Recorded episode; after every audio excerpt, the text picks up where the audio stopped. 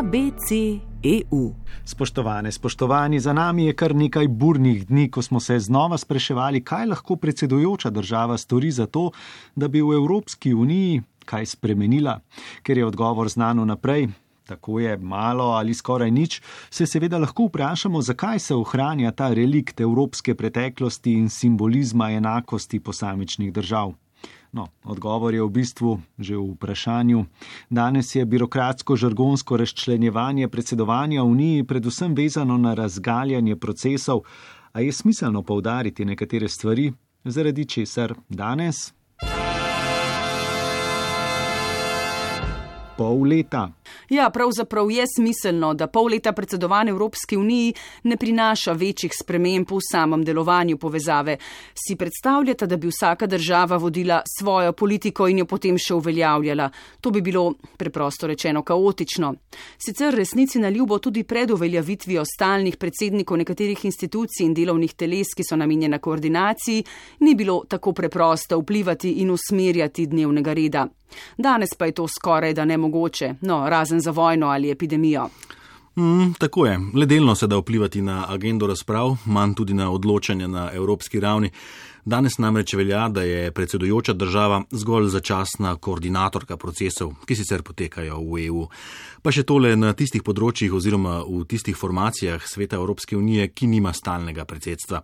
Vemo namreč, da ima Unija od uveljavitve Lizbonske pogodbe kar nekaj stalnih predsednikov, kar je samo po sebi absurd. O tem smo sicer že mimo grede kakšno navrgli, na zadnje takrat, ko smo govorili o pomankanju stolov v Erdoganovi palači. Takrat smo omenjali nekdanjega predsednika komisije Junkerja, ki je večkrat dal vedeti, da ima Unija enega predsednika preveč.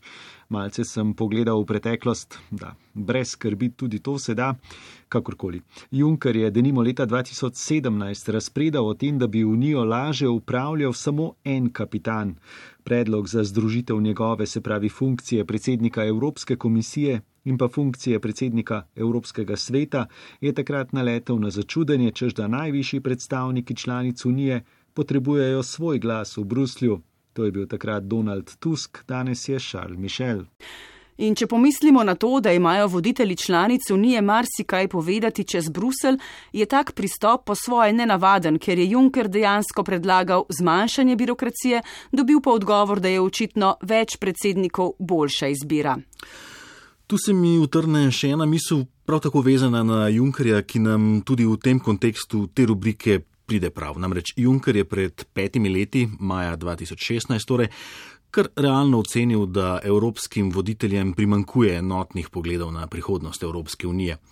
V teh petih letih se je to še bolj izkristaliziralo. Juncker pa je takrat govoril o prevelikem številu evropejcev s polovičnim delovnim časom, o takih, ki postanejo polnokrvni evropejci, ko je treba kaj vzeti, ko pa je treba kaj dati, pa nič. Malce smo sicer skrenili oziroma zavili z osnovne teme, čeprav smo jo znova dejansko pripeljali do začetka. V zadnjih predsedovanjih, ki so potekala v senci pandemije, se na evropski ravni ni zgodilo skoraj da nič. Portugalsko predsedstvo je pred dnevi organiziralo dvodnevni socialni vrh. Žal pa tudi najbolje obveščeni ne vedo, ali je zasedanje dejansko prineslo sploh kaj otipljivega. Pa vsi vemo, da so socialne razmere v Evropi marsikje izrazito slabe. Kot vedno in kot si dejal na začetku, napredek je počasen. Obrati Evropske unije so izrazito počasni. Tudi v tem pogledu je že sam sestanek, kjer se voditelji pogovarjajo o socialnem stebru Evropske unije, nek korak naprej. Gre za razpravo, ki je denimo po dolžniških in finančnih krizah v uniji ni bilo, ne glede na to, da so jo zahtevali tako rekoč vsi Evropska komisija, Evropski parlament, posamične agencije, službe, humanitarne organizacije, poleg tega pa seveda tudi države, ki so bile najbolj na udaru.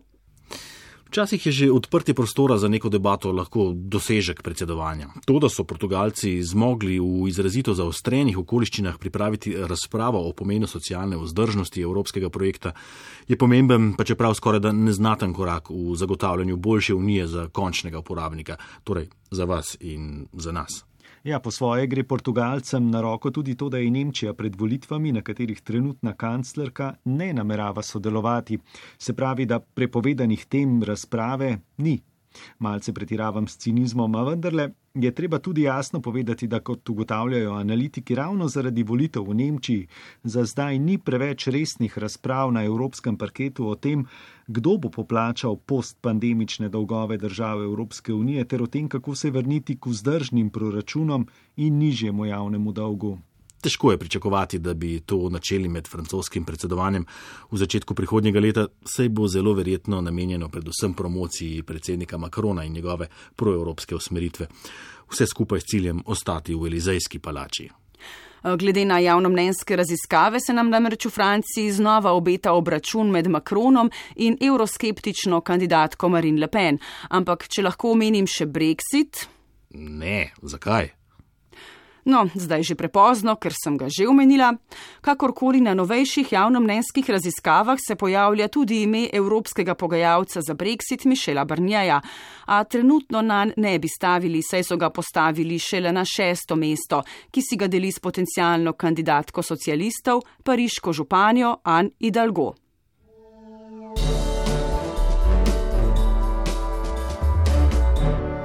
ABC EU